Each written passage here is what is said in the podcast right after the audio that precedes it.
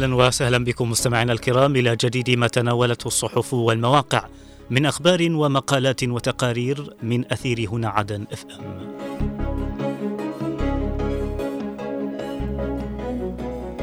البداية من موقع المجلس الانتقالي ومنه نقرأ الكثير يطلع على تقرير اللجنة المكلفة من الرئيس الزبيدي بالنزول إلى نقاط الجباية في ابين.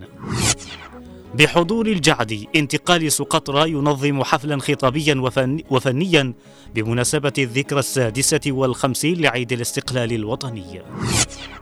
الشؤون الخارجية تعقد ورشة نقاشية بعنوان مضيق باب المندب حدود السيادة الجنوبية.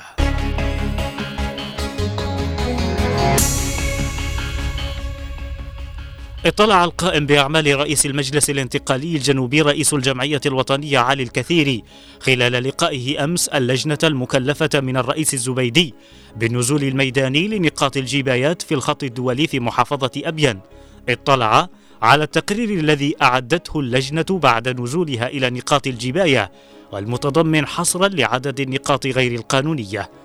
وطالب التقرير برفع جميع نقاط الجبايات والميازين غير القانونية وإعادة تنظيم عملية التحصيل في نقطة واحدة بمدخل المحافظة وتوريد الأموال المتحصلة منها إلى الخزينة العامة للدولة.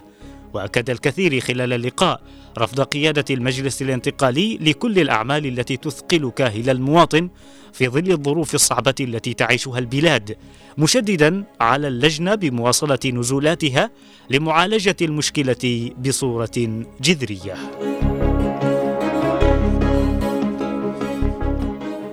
نظمت القيادة المحلية للمجلس الانتقالي الجنوبي بمحافظة سقطرى أمس حفلا خطابيا وفنيا بمناسبة الذكرى السادسة والخمسين لعيد الاستقلال الوطني الثلاثين من نوفمبر بحضور الأمين العام فضل الجعدي ومحافظ سقطرى رأفة الثقلي وخلال الحفل الذي تخللته عدد من الفقرات الفنية والتراثية أكد الجعدي أن نضال شعب الجنوب لا يزال مستمرا حتى نيل الاستقلال الثاني. عقدت الإدارة العامة للشؤون الخارجية بالمجلس الانتقالي الجنوبي برئاسة الدكتور صالح الحاج أمس ورشة نقاشية بعنوان مضيق باب المندب حدود السيادة الجنوبية الحقائق التاريخية والسياسية والقانونية والعسكرية. وتناولت الورشة التي شهدت حضور عدد من الكوادر الجنوبية الأهمية التي يحظى بها مضيق باب المندب منذ القدم والصراعات الإقليمية الدولية حوله مؤكدة بضرورة تعزيز الأمن الجنوبي في ظل ما تشهده المنطقة من تهديدات مباشرة من ميليشيا الحوثي الإرهابية. ومحاولتها المتكررة للتعدي على سيادة الجنوب التاريخية والجغرافية والبحرية وتهديد الأمن الغذائي للجنوب.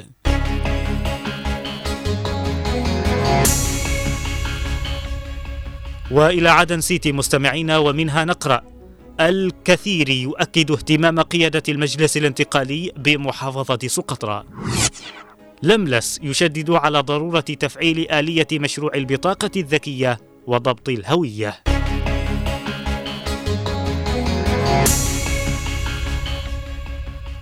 أكد القائم بأعمال رئيس المجلس الانتقالي الجنوبي رئيس الجمعية الوطنية علي الكثيري على اهتمام قيادة المجلس الانتقالي بمحافظة سقطرى وتحسين أوضاعها واحتياجاتها في كافة المجالات الخدمية والتنموية لتخفيف معاناة المواطنين فيها. وأشار الكثير خلال لقاء جمعه أمس بمدير الخدمة المدنية خالد بازياد ومدير المالية عبد الحافظ سليمان ومندوب المحافظة بالعاصمة عدن زين العابدين بن سعد أشار إلى مكانة سقطرى في الجنوب لما تتفرد به من خصوصية ثقافية وسياحية واقتصادية رغم ما عانته خلال الفترات الماضية من إهمال.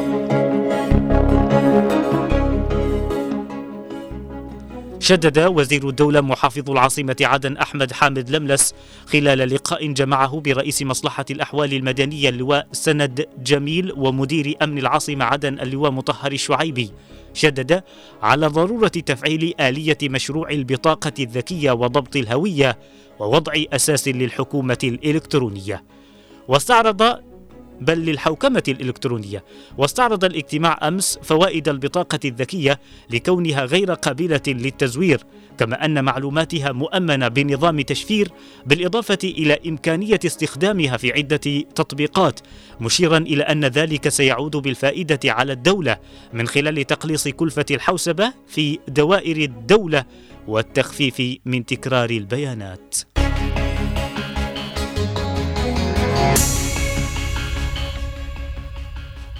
وإلى درع الجنوب مستمعين ومنه نقرأ المدرسة القتالية بقيادة المنطقة العسكرية الثانية تختتم برنامجها التدريبي للعام الجاري.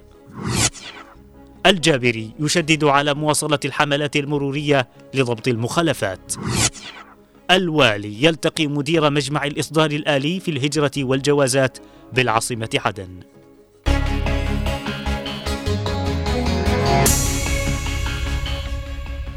نظمت مدرسة الفقيد اللواء ركن علي الحيقي للتدريب القتالي بقيادة المنطقة العسكرية الثانية الحفل الختامي والتكريمي لأنشطة وبرامج العام التدريبي للعام 2023 وخلال الحفل ثمن قائد المنطقة العسكرية الثانية اللواء ركن طالب بارجاش دور المدرسة في صقل القدرات والمهارات القتالية لمنتسبي قوات النخبة الحضرمية والرفع من مستوى جاهزيتهم على مختلف الأصعدة مؤكدا حرص قيادة المنطقة باستمرار البرامج التأهيلية للمدرسة.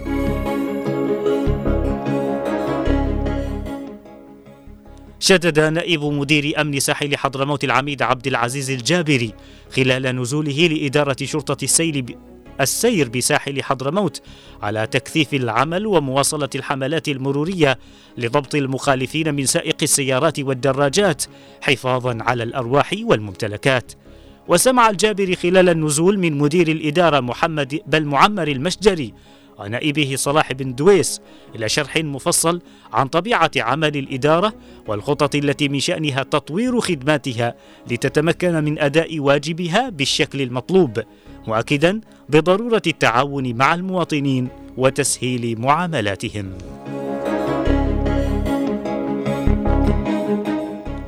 أشاد القائد العام لقوات الحزام الأمني العميد محسن الوالي بالجهود الجبارة التي يبذلها مركز الإصدار الآلي التابع لمصلحة الهجرة والجوازات بالعاصمة عدن في تسهيل المعاملات والإجراءات تجاه المواطنين. وحث الوالي خلال لقائه بمدير المركز العميد صالح ناصر الحكمي على ضرورة مضاعفة الجهود بما يساهم في تطوير وتسيير الإجراءات والمعاملات.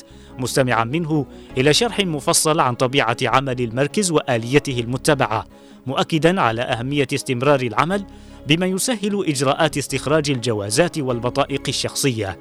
من جانبه أكد الحكمي حرص قيادة وموظف الإصدار الآلي على تسهيل كافة الإجراءات مشيرا إلى أن المصلحة تجاوزت الكثير من الصعوبات التي رافقت العمل خلال السنوات الماضية.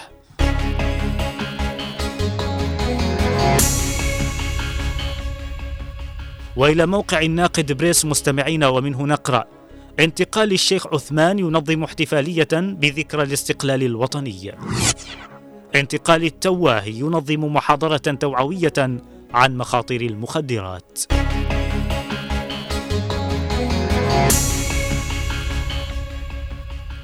نظمت القيادة المحلية للمجلس الانتقالي الجنوبي في مديرية الشيخ عثمان بالعاصمة عدن بالتعاون مع مكتب التربية والتعليم بالمديرية أمس حفلا خطابيا وفنيا بمناسبة الذكرى السادسة والخمسين لعيد الاستقلال الوطني الثلاثين من نوفمبر وشهدت الاحتفالية التي أقيمت بمدرسة الفقيد خالد حيدر وبحضور رئيس تنفيذية انتقال المديرية رياض درويش العديد من الفقرات عبرت جميعها عن أهمية هذا الحدث التاريخي المجيد الذي قدمت من أجله التضحيات من أبناء الشعب الجنوبي وسطرت أجمل معاني البطولة. نظم قسم المرأة والطفل بتنفيذية انتقال التواهي بالعاصمة عدن أمس محاضرة توعوية بعنوان المخدرات ومخاطرها وذلك في ثانوية الفقيد عبد الله محيرز للبنات. وتناولت المحاضرة التي حضرها رئيس تنفيذية انتقال التواهي أحمد عبدي الأخطار المترتبة عن المخدرات على الفرد والمجتمع التي أضحت ظاهرة منتشرة بسبب رفقاء السوء وتغافل أولياء الأمور والمدارس عن القيام بواجبهم متناولة لبعض الإحصاءات الصادرة عن إدارة مكافحة المخدرات والتي أظهرت انتشار هذه الآفة وسط الشباب.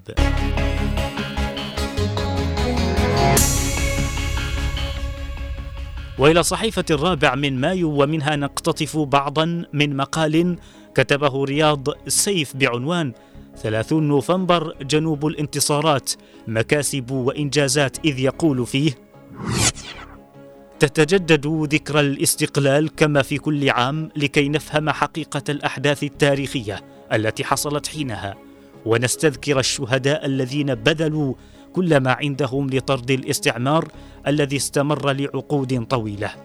وتأتي هذه الذكرى لتجدد في قلوبنا روح الانتماء والوطنية وتذكرنا بأن الحرية والاستقلال قيم لا تقدر بثمن. الجميع في هذا اليوم العزيز يجتمع ويستذكر تضحيات الأجداد ويعبر عن فخره بوطنه ويتعهد بالعمل المستمر لبناء مستقبل أفضل للوطن والأجيال القادمة والسير على نهج خطوات الأجداد. ونحن جيل الاستقلال الثاني. من واجبنا حفظ هذا الوفاء وسنحمل هذه الأمانة بكل فخر واعتزاز ونمضي قدما نحو بناء دولة الجنوب. أهمية الذكرى ومكانتها في قلوب الشعب تؤكد أن إحياءها هي حبل الارتباط بذاكرة الوطن كما هو الحال مع بقية الأحداث الوطنية الأخرى للإبقاء على العقيدة الوطنية والحفاظ على الذاكرة التي لا يمكن التطور والعيش بدونها.